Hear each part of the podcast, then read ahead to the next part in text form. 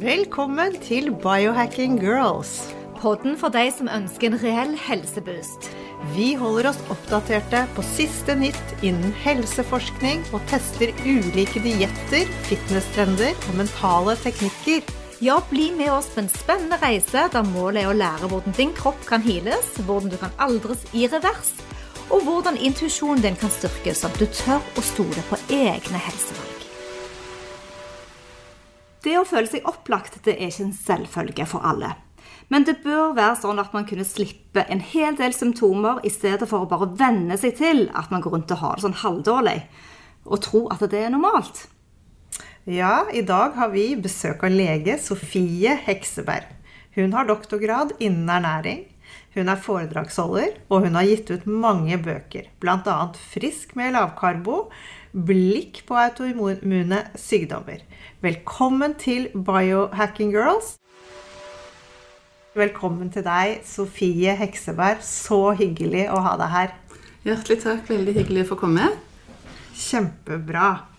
Eh, vi må begynne litt med bakgrunnen din. Eh, hva ledet deg på denne veien med studier i ernæring og denne lidenskapen for optimal helse for hele folket? Hvordan startet dette?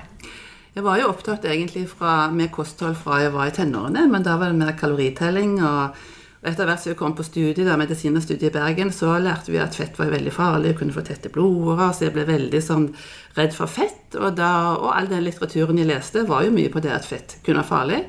Så jeg eh, ble, var jo vegetarianer i 15 år her pga. det. For jeg tenkte den enkleste måten da, det var jo ikke for hjertenfakt, det var jo å spise mindre animalsk fett osv.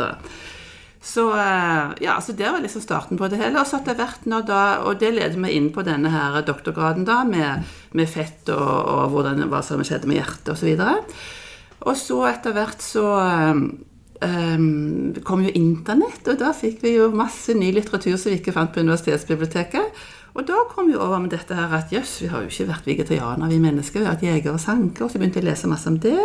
Og så begynte jo fedrene å snakke om at jøss, vi spiser altfor mye poteter, ris og pasta. Og det var jo hovedkostholdet mitt, egentlig, da. Så dermed så bare la jeg om sånn ganske raskt fra å gå på et høykarbonkosthold til å gå på et ketogenkosthold på liksom rett over natten, og jeg ble kjempedårlig. Men eh, så fant jeg ut at jeg måtte trappe meg litt ned, da, sånn at jeg kunne klare å bruke mer fett som energi. Og så begynte jeg å jobbe med dette. Jeg begynte hos Federen i 2006. Og, så, eh, og, da så jeg De fleste som kom da, de var jo opptatt av vekt, av blodsukker, av diabetes og sånn. Og så så vi jo det at ja, de gikk ned i vekt, og blodsukkeret gikk ned, og blodtrykket gikk ned, men de ble jo også kvitt masse betennelser, vondter, og de fikk mer energi, og det skjedde så mye greie ting. Og så ble vi jo mer og mer opptatt av dette. Og så skjønner vi å ja, én ting var liksom kanskje stabilt blodsukker, men det var jo kanskje også fravær av korn, f.eks. For, eksempel. for på et eh, lavkarbokosthold så forsvinner jo kornet, fravær av gluten. Og så var det jo noen som ikke ble helt bra, og de eh, liksom tenker Hva var det med de, da? Nei, var, så hadde de problemer med melk, f.eks. Og så begynte vi å ta disse matintoleransetestene, eh, som vi så da eh, at det var en nøkkel til å finne hvilke proteiner du ikke tåler i forhold til betennelser, f.eks. Ja, så, var, ja. så, jeg har jo jobbet med det da siden 2006. Men fra 2010 så ble jo Erik med meg, og da har vi gått mer og mer med disse matintoleransetestene og det autoimmune og kroniske betennelser. Mm. Ja, jeg husker nemlig du det, jeg, ble, jeg, oppdaget deg også på den tiden, så det var også min introduksjon til dette lavkarbo-kostholdet. Ja, ja, ja. Så jeg har fulgt deg hele veien. Har vært kjempegøy. Jeg syns dere var veldig tøffe, for dere fikk jo mye motstand i, i starten. Mm. Og det å være litt sånn banebryter er jo både ensomt, for at man må jo på en måte ha et publikum for å kunne nå ut med budskapet sitt. Så det med ketokosthold i 2006, det var jo veldig tidlig. Ja. Hvorfor, altså, Uh, og jeg tenker også at Hvordan så bildet ut um, utover det som var din legesfære blant folk? Altså, Dere fikk kritikk, som var lett å nevne. Ja, ja da, vi fikk kritikk, men, men, jeg følte meg på en måte så trygg, fordi at pasientene fortalte jo gledeshistorier hver eneste dag. Og da tenker jeg at eh, når vi gjør de tingene De spiser jo bare naturlig mat laget fra grunnen. De blir friske og kvitt alle mulige plager. Ja, da er jo det sant for meg. Uh, så jeg følte meg ganske trygg på det, egentlig. Vi liker veldig godt det. For det, er noe med at man må tenke litt utenfor boksen. Ja, og se på ja. resultatene og se ja, hvordan du føler deg. Absolutt. Og når i tillegg da blodprøvene bare ble finere og finere, så var det, da var det et objektivt mål på at dette var greit. Mm. Spesielt hvis kolesterol var greit. Det var jo veldig viktig for andre leger da, at ikke kolesterol, at det blir noe ugreit der. Du, Vi er begge keto-coacher, da. Eh, Ja. Holder litt kurs og sånn. Ja. Eh, Er det et kosthold du lever på i dag? Litt ketogenisk, eller eh, har du en definisjon? Ja, For meg selv så er det sånn at jeg kan gå på 10 gram karbo en dag, og så kan jeg være 50 gram en annen dag. Så det er ikke sånn at jeg kjører veldig strikt på det, men det er jo et ja, ja, lavkarbo til ketogent kosthold. Men jeg, jeg driver ikke og måler ketonleger på meg selv, f.eks. sånn til daglig. Nei, det trenger du jo ikke. Nei. Så mitt kosthold består av stort sett av sånn kjøtt og fisk og fugl og masse grønnsaker, litt bær, litt nøtter, rikelig med fett. Ja. Ja. Høres veldig ut Ja. som oss. Ja, ja. Høres ut som oss, ja. Ja. ja. Herlig. Eh, Men Sofie, hvorfor er det så mange som er så syke i dag? Og nå tenker vi ikke på disse ekstreme som er dødelige sykdommene, men disse kroniske plagene som folk går rundt med. Hva skjedde? Hvordan, ja, hva skjedde, ja? hvor, hvor, hvordan havnet vi her med Ja. så mye plager? Ja, altså du kan si Hvis du går liksom 50 år tilbake, så spiste jo folk det de hadde av mat. Og så får man beskjed fett er farlig. Hvis fett er farlig, så må du jo spise mindre fett, og da må du spise mer karbohydrater. Så karbohydratinntaket har jo økt. Og jo mer karbohydrater du spiser, jo mer eh, søthungrig og sulten blir du. Og så spiser du bare enda mer karbohydrater, så det blir jo en veldig dårlig sirkel.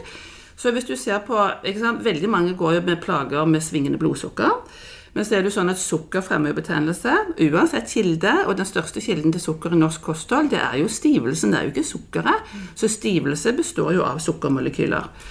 Så mye sukker, og hvis du da har mye sukker, så blir det mye hormon insulin. Det er også betennelsesfremmende.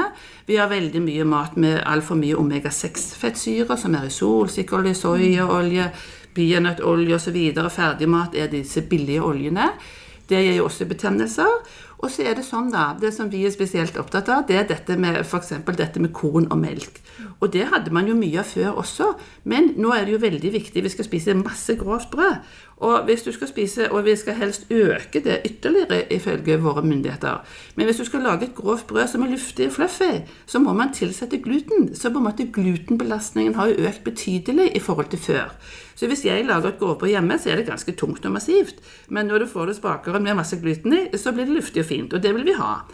Og så har du i tillegg, da, hvis du da skal spise, hvis du da skal spise magre meieriprodukter du blir jo mettere av å spise setere enn å spise cottage cheese. Og hvis du spiser cottage cheese, så blir du liksom ikke mett, så må du spise mer. Og da får du veldig mye proteiner. Så proteinbelastningen fra altså kasein, melkeproteiner, har jo også økt betydelig. Sant? Så det er mange faktorer som spiller inn, pluss selvfølgelig at vi har litt stressende liv og sånn, da. Kunne ikke du definere for oss og lytterne hva er autoimmune sykdommer? Ja, altså Sånn som uh, tradisjonell medisin definerer det, så er det jo på en måte at du lager noen antistoffer, og så angriper du deg selv, ditt eget vev. Det kan være forskjellig vev i kroppen. Og det er en prosess som bare går av seg selv, og den stopper ikke. Og da må vi gi noen medikamenter som hemmer den betennelsen, f.eks. Men vi, det er jo én autoimmun sykdom som, man, eh, som alle er enige om at der kan vi bruke mat som medisin, og det er jo da cøliaki. Så hvis man tenker på cøliaki, du har en ødelagt tarmslimhinne, du gir eh, eh, du, du, du sier ok, du må gå på glutenfri kosthold.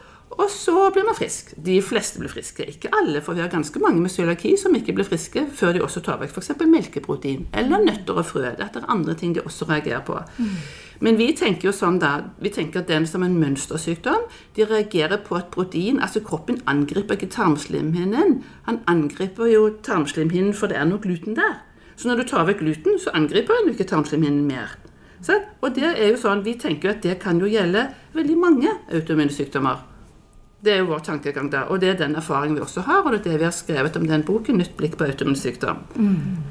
Men hva med det molekylet, HLA-molekylet? Ja, Eh, hvis man er bærer av dette, eh, ja, så da betyr at du kan få cøliaki, du kan utvikle det. Det er mange som får beskjed om det. Ja. Bør de ta ekstra hensyn? ja det syns jeg. Så vi måler jo, altså vi har blitt litt ivrigere på å måle dette med, altså sjekke om folk har cøliaki også, for det er jo mange som går rundt med en udiagnostisert cøliaki.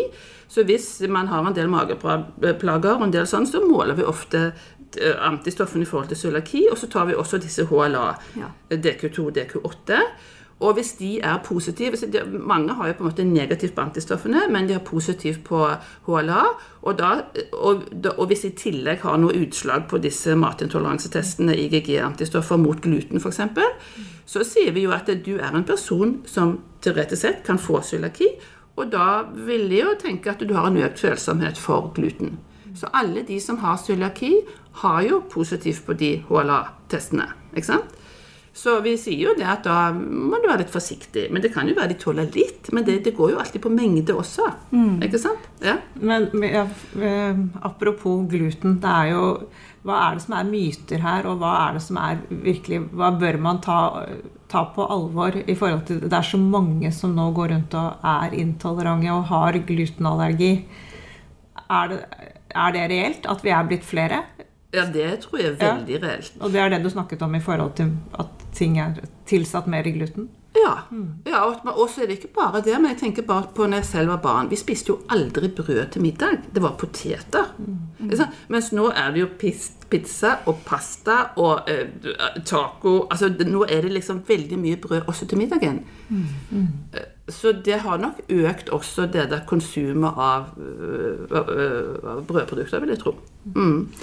En annen ting Du nevnte jo dette med balansen mellom omega-3 og omega-6. og Vi har nå trålgått matbutikkene og sett på ingredienslisten. og Det er som man leser om da, at 80% av maten i matvarebutikkene er tilsatt rapsoljer og ting man ikke egentlig ønsker å ha. Så er det sånn, eh, Helse Norge anbefaler jo å bruke rapsolje fremfor eh, meierismør og mettet fett. Så et, man skjønner at det er vanskelig å være forbruker og ta gode helsevalg. Hva sier du da, som lege? Ja, altså Når det gjelder fett, eh, så sier jeg at det beste er å spise eh, altså, Tenk meierismør da. Hvis man ikke tåler melkeprotein i det hele tatt, så lager man jo klare smør. Da fjerner man stort sett det meste av proteinet. Olivenolje, som er mest enumettet fett. Kokosfett, som er mettet fett. Eh, og selvfølgelig da fett på i maten, da. Altså fet fisk, fett kjøtt, avokado. nøtter, hvis man tåler det. Avokadoolje? Ja. Ja, for eksempel. Ja.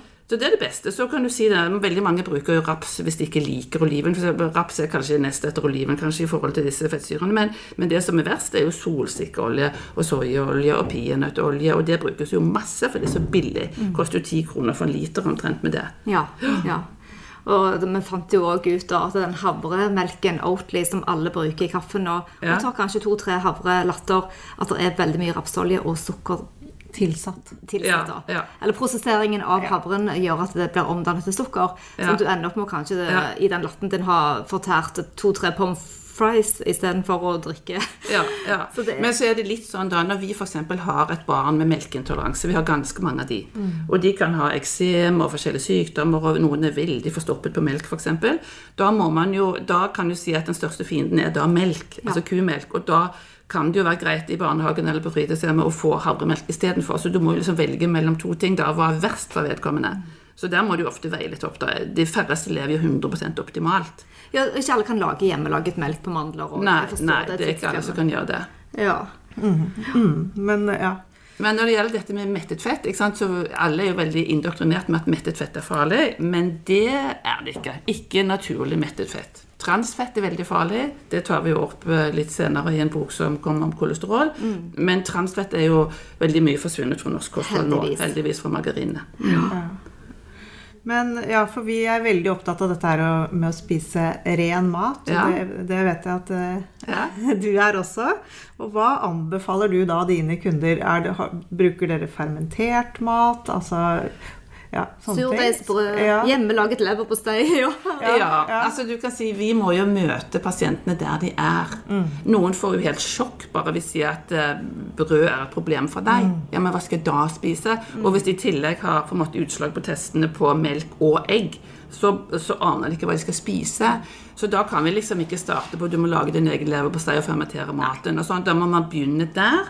Og da kan jo det være Ja, man kan spise brisk knekkebrød, lavkarbobrød, som man kan eh, kjøpe ferdige blandinger og lage på en helsekost. på kan man finne det? Eller man kan lage det selv.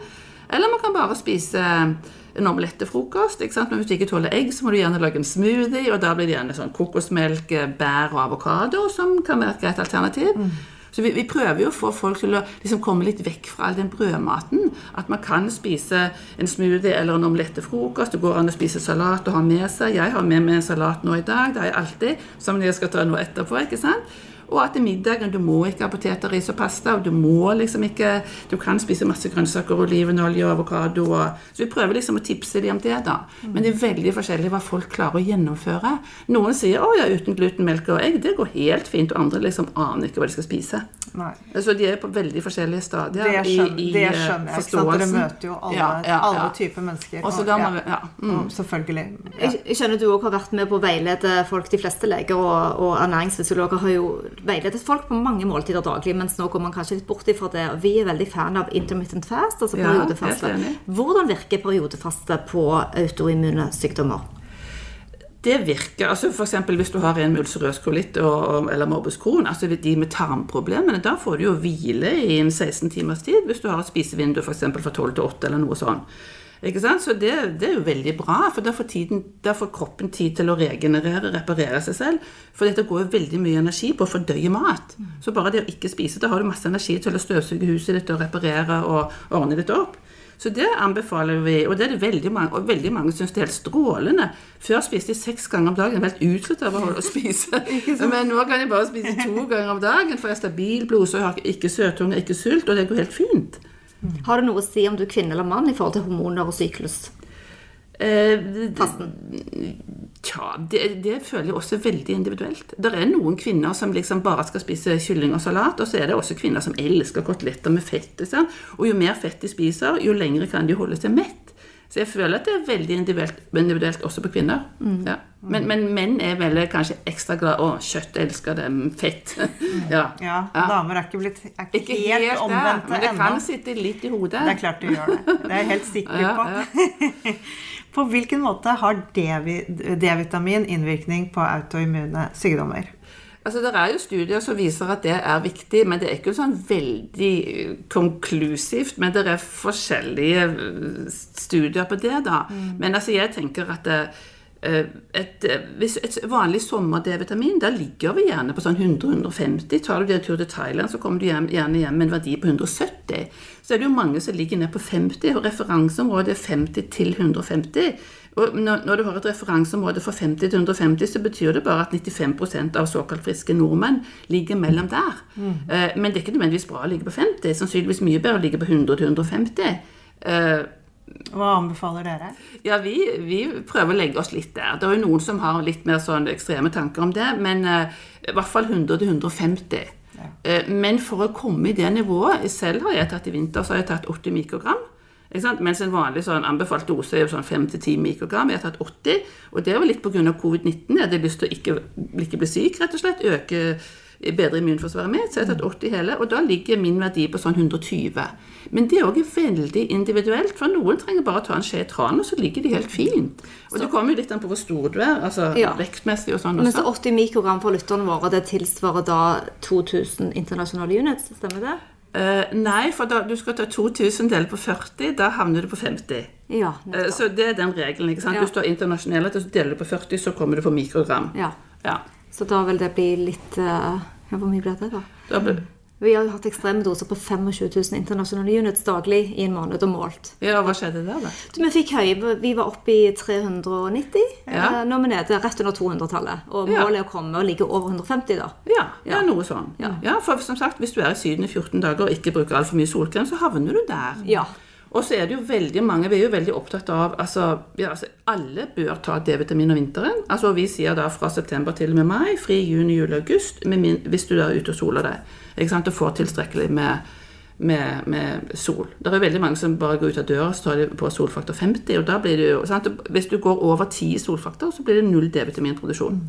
Det er òg en av våre kampsaker. Men du, en helt annen ting da, Sofie. Vi har altså testet en diett som heter carnivore. Ja, det har jeg òg. Ja, du har Ja, ja, Men da- her testes alt. Da er det jo kjempegøy, da. Fordi at vi gjorde det da i seks uker. Vi Ja. tok alle blodprøver. Og ja, du, du vet jo, da vet jo du hva som skjedde med blodprøvene og kolesterolet vårt. Men det som òg skjedde, det var at uh, vi fikk jo uh, Huden ble glattere, energien var større, vi hadde ikke cravings, vi var mette, og vi elsket maten. Ja. Folk så jo veldig rart på Ja. og syntes det med entrecôte og frokost. Men Vi har òg lest, da, og dette kan kanskje du fortelle oss litt om, hvordan det virker på autoimmune sykdommer. Ja, det virker jo strålende. Jeg, altså, jeg har ikke, det er ganske ekstremt. Spiser, Noen spiser bare kjøtt. Noen spiser kjøtt og innmat. Noen spiser kjøtt, fisk, fugl, egg. Men det er kun animalsk. Det er litt forskjellige versjoner på det. Jeg har ikke anbefalt det mye, for det er ekstremt, men jeg anbefalte det til én kvinne som hadde masse eksem i ansiktet. og hun, ikke sant? Det er ikke så kjekt å gå på jobb når du er helt knallrød med masse eksem. Og hun hadde prøvd det meste uten melk, uten gluten, litt lavkarbo, litt vegan, litt Hun hadde prøvd alt. Og så sier jeg ok, la oss prøve det. Ja, det er greit, jeg går, går for det. Og hun tror hun gikk på et halvt års tid, eller noe sånt, men det forsvant. Og, når da, og, da, og det var ganske interessant, for da begynte hun å ta inn litt. Så sier du kan jo begynne med litt agurk, litt avokado, litt oliven. Ta litt som litt inn. Og det gikk kjempefint, og da kjente hun at hun tåler det. Men med en gang du da får en reaksjon, så må du rykke tilbake. Da må noe vekk igjen, kanskje. Så du kan jo bygge opp et kosthold igjen da. Med de minst problematiske tingene. Og de problematiske tingene er jo ofte gluten, melk, det kan være nøtter, det kan være egg. sant? Og lektin og kanskje noen grønnsaker som kan trigge ja, ja, ja. belgfrukter. Så, ja, så hun gjorde det, men det er jo Wow. veldig få som liksom går all in. Men du har jo en sånn Carnivore Facebook-side, ja. Carnivore Tribe Norge. Har du det? Nei, det er en Ja, side er- der. ja, Ja, ja, ja, ja. Ja. Men det Så, men det som jeg, grunnen til at jeg gjorde det, det var en som heter Paul Saladino. Ja. Paul Saladino, så Jeg leste den boken der. Og Han er jo lege, og han gjorde dette pga. et voldsomt eksem som han aldri ble kvitt. Og så gikk han carnivore, og han går jo helt all in. Det er bare kjøtt og innmat, nose to tail.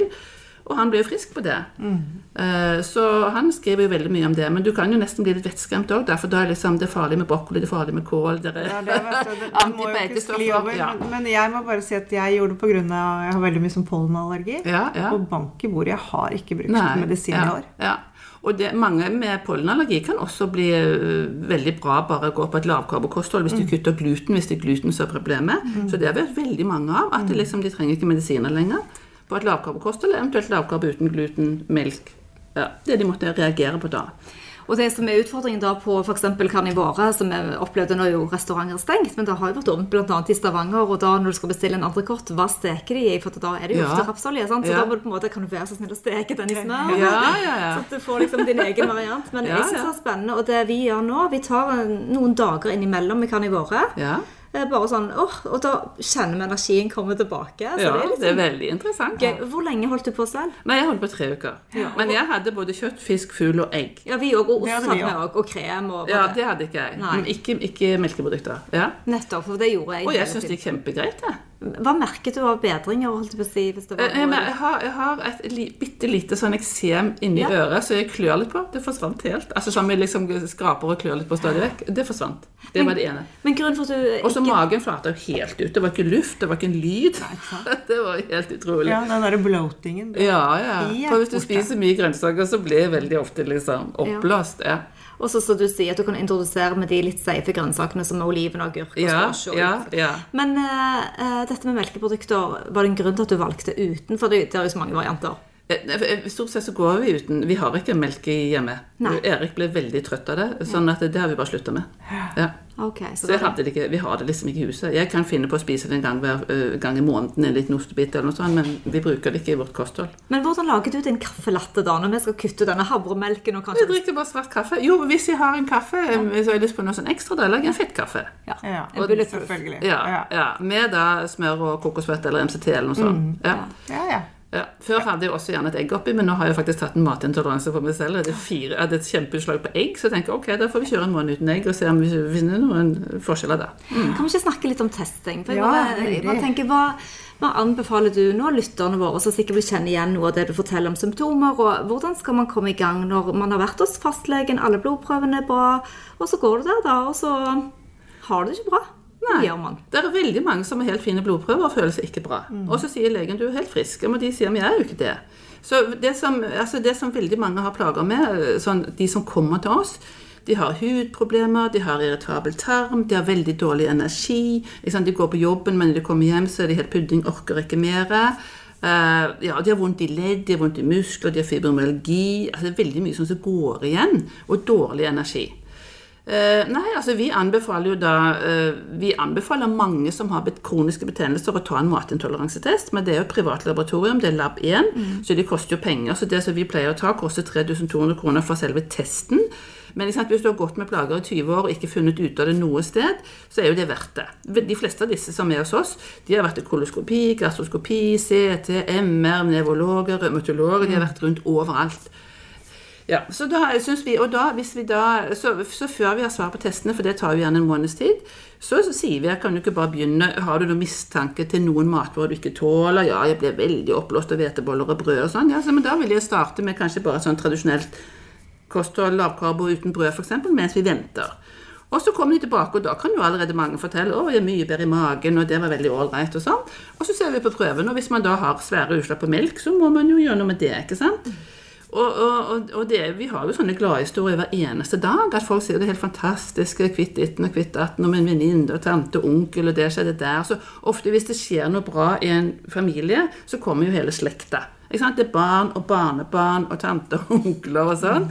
Fordi at det, ja, så, så på en måte Ja, det går via det går via snakkesen, altså. Ja, mm. og, og, dette er jo fantastisk, for da har du verktøy selv. Men, men det sier jo òg litt om gener og sånn, og vi har epigenetikk, så vi kan nå ja. Kanskje vi kan påvirke genenes uttrykk. Eh, hva, hva, tenker du rundt eh, genene våre? At vi på en måte er født med et utgangspunkt som vi på en måte ja, står litt fastlåst i? Ja. Og det er jo mange som sier sånn Ja, jeg har så dårlige gener, så er det bare trist og leit, og jeg bare har det sånn, og mor hadde jo sånn, og sant? Men det er jo tvert imot. Du kan faktisk gjøre noe med det med den epigenetikken. Mm. Så for eksempel, Det er jo studier som er på det også da. ikke sant? Type sånn uh, Eneggede tvillinger som jo skulle være helt prikk like da, vokser opp i to forskjellige hjem. Den ene får psoriasis, den andre får ikke. Fordi de har fått forskjellig mat og forskjellig stress og forskjellig livsstil på alle mulige måter. Og det er jo sånn at den epigenetikken det er jo sånn at du kan trykke av og på. Og det skjer veldig raskt, egentlig. Bare det å redusere på karbohydrater endrer genuttrykket i løpet av et døgn. Eh, det har de vist på Universitetet i Trondheim, NTNU. Mm. Eh, så, så det er absolutt muligheter til å, påvirke de, og det er jo veldig positivt. Jeg lurer på peptider. Kan du forklare oss hva peptider er, og hvordan man kan eventuelt eh, teste eller eh, Ja, ja, ja vi tester jo Når vi tar disse matintoleransetestene, da tester vi jo antistoffer mot proteiner i mat. Og så har vi en annen test som heter peptider i urin. Men det er jo sånn da, så da er vi jo veldig opptatt av dette med såkalt lekktarm, som jo ikke er anerkjent blant det vanlige legestanden, men man kan lese mye litteratur om det. Det kalles også på engelsk da leaky gut. Eh, så det er sånn Hvis tarmslimhinnen er litt skadet, så har du da altså toppsjiktet i tarmen Hvis du er inni tarmen da, så har du et cellelag der, akkurat som huden har et cellelag på toppen. Og dette, disse cellene skal jo ligge tett i tett i tett i tett, så det er jo en barriere, sånn at på en måte kroppen kan si ja, vi vil ha, vi vil ha aminosyrer inn, vi vil ha det inn, litt sukker, litt fettstoffer og sånn, men så vil du ikke ha bakterier og virus, f.eks. Altså noe vil du holde utenfor. Men hvis disse cellene glir fra hverandre, sånn at den tarmen blir litt hullete, akkurat som en hageslange med pepret med hull på en måte som ligger i hekken, da kan på en måte litt større ufordøyde proteiner forlater tarmen og går over i kroppen. Så hvis du tenker f.eks. at du har øh, la oss si kasein, da, som er melkeproteinet, så skal jo det først klippes opp av fordøyelsesenzymene til peptider. Og så skal peptidene klippes opp i aminosyrer, og så skal aminosyrene tas opp via cellene i kroppen, og så skal du lage nye proteiner, bygge muskler og sånn. Hvis du derimot har det som heter lektarm, så har du altså litt større hull, hull mellom de cellene. Og da kan disse peptidene, før de er ferdig nedbrutt, svippe ut, og, altså ut i kroppen da. Og da begynner immunforsvaret å reagere, for da kommer det et fremmed protein. For, for immunforsvaret patruljerer jo rundt tarmen, og de er jo designet for å reagere på Uh, på fremmede proteiner, men det er jo bakterier, virus, parasitter, covid-19 og streptokokker. Så det er jo det de skal reagere på.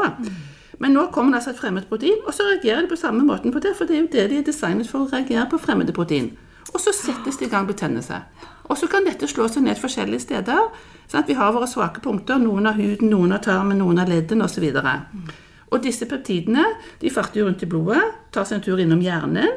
Og når de kommer inn i hjernen, så påvirker de morfinmottakerne. Så, så de kalles da kasomorfiner når det gjelder dette med melk. Og det, det, blir som å få en dose morfin. Så da blir du kjempetrøtt. I tillegg så har du veldig lyst på melkeprodukter. Så veldig ofte de som ikke tåler melke melkeprodukter, de liksom har veldig craving på det. Elsker det. Liksom, spiser bøtter og spann med cottage cheese og sånn. Eh, men sant, det blir man veldig trøtt av. Mange. Og noen går sånn i vi kaller det melketåke. altså De har sånn hjernetåke, bomull i hodet. Noen blir deprimerte, noen får angst. Du kan egentlig få hele psykiatrien der. Det kan vi lese litt om f.eks. på en side som heter matogatferd.no.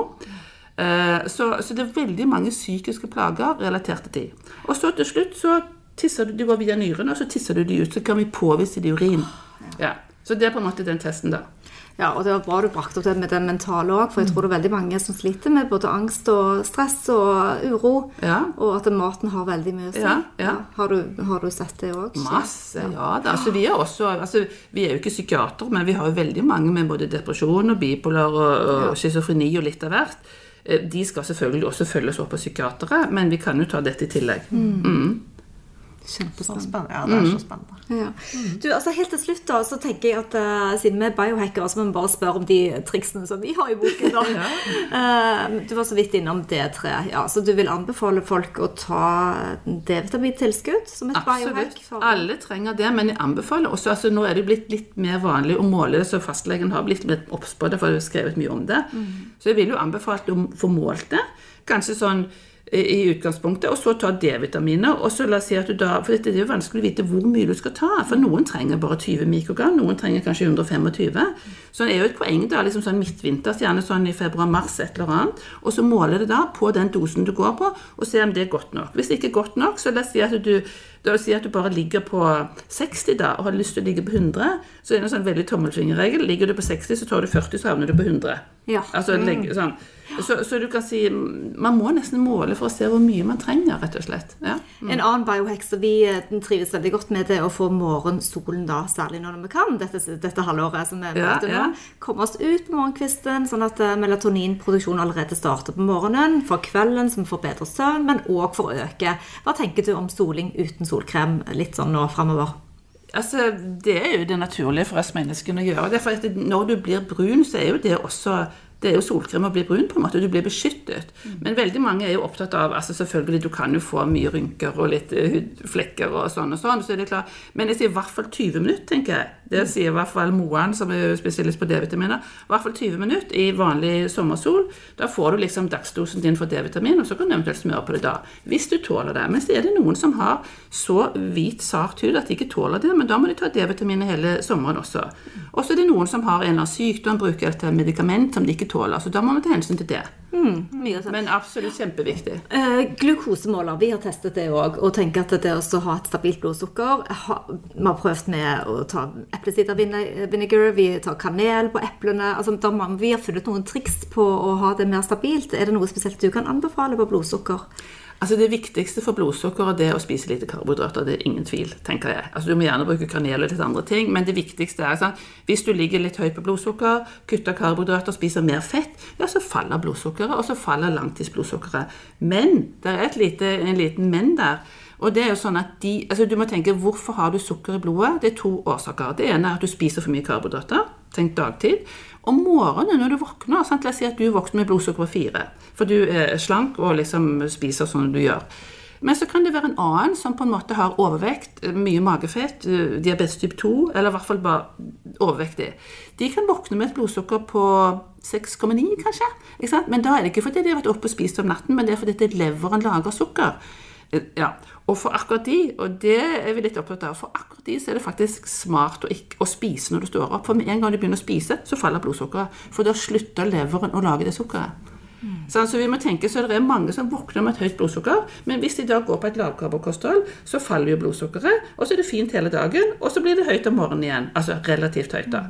Men summa summarum så har jo de et like bra langtidsblodsukker som en som starter med et fint morgenblodsukker, og så ligger høyt hele dagen. Så gjennomsnittet blir likt.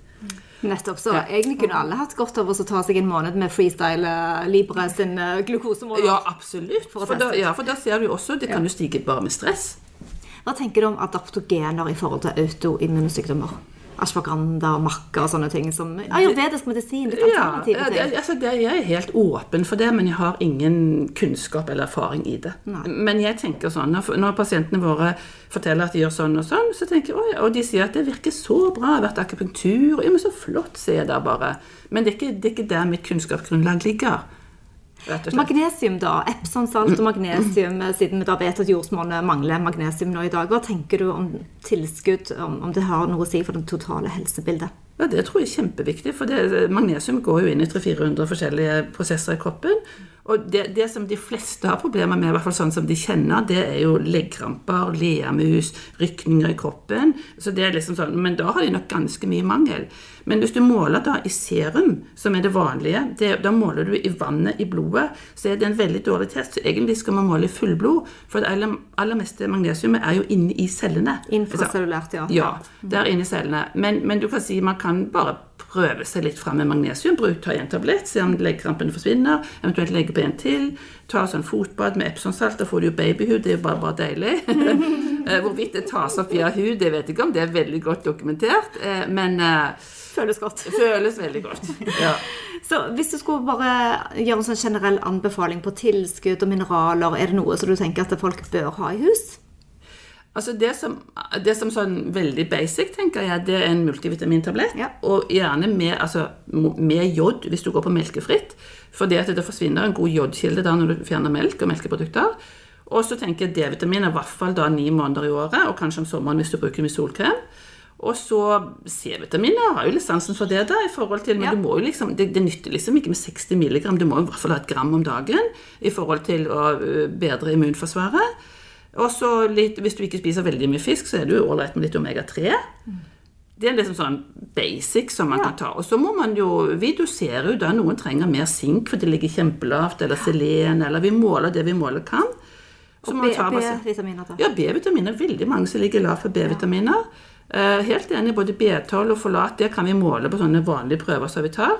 Eh, Og da ser vi også på i forhold til homocystein, som er en aminosyre som blir veldig høy hvis du er lav for B-vitaminer. Og hvis du tar B-vitaminer, så faller den ned. Og det er jo en risikomarkør for hjerte-karsykdom, uten at man helt vet hvorfor. Men det er jo greit å få den ned, da, så slipper vi å tenke på det, i hvert fall.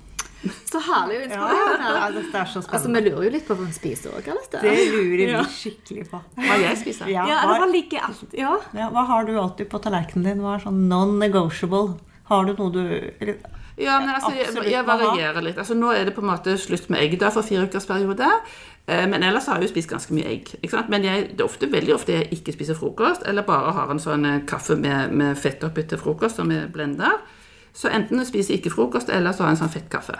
Og lunsj er alltid salat, og da er det bare masse forskjellige grønnsaker, og så er det kjøtt, fisk, fugl, egg eventuelt. da. Og middag er Nei, det er bare forskjellige typer kjøtt, eh, fisk og fugl, og grønnsaker og fett. Det er grunnen til det det går i, de, de to-tre måltidene. Eh, og så er jeg litt opptatt av det, men jeg burde kanskje bli enda mer opptatt av det. Men jeg har kjøpt ja, Det er en bonde på Tjøme som hadde noen kyr som gikk og bare fikk gress, altså 100 grassfed, så jeg kjøpte ham der med kjøttdeig og sånn og sånn. Og så kjøper jeg, kjøper jo av og til litt vilt og sånn, men jeg kan bli flinkere på økologisk og grass-fed Ja. og det, da. Ja. Det kan jeg ha et potensial der. Du, Hvordan skal folk finne deg, Sofie, hvis de har lyst til å ta kontakt og ha spørsmål? Bøkene dine, selvfølgelig, Ja. men eh, du har en hjemmeside? Ja, vi har en hjemmeside som heter derhekseberg.no. Ja. og der, eh, så vi har ikke telefon inn til klinikken, men vi har en er sånn timebestilling. Der På mail. Ja, Ja. Så man bestiller på time. Og så er jo vi da Vi er i Sandvika i Bærum, og så er vi i Tønsberg.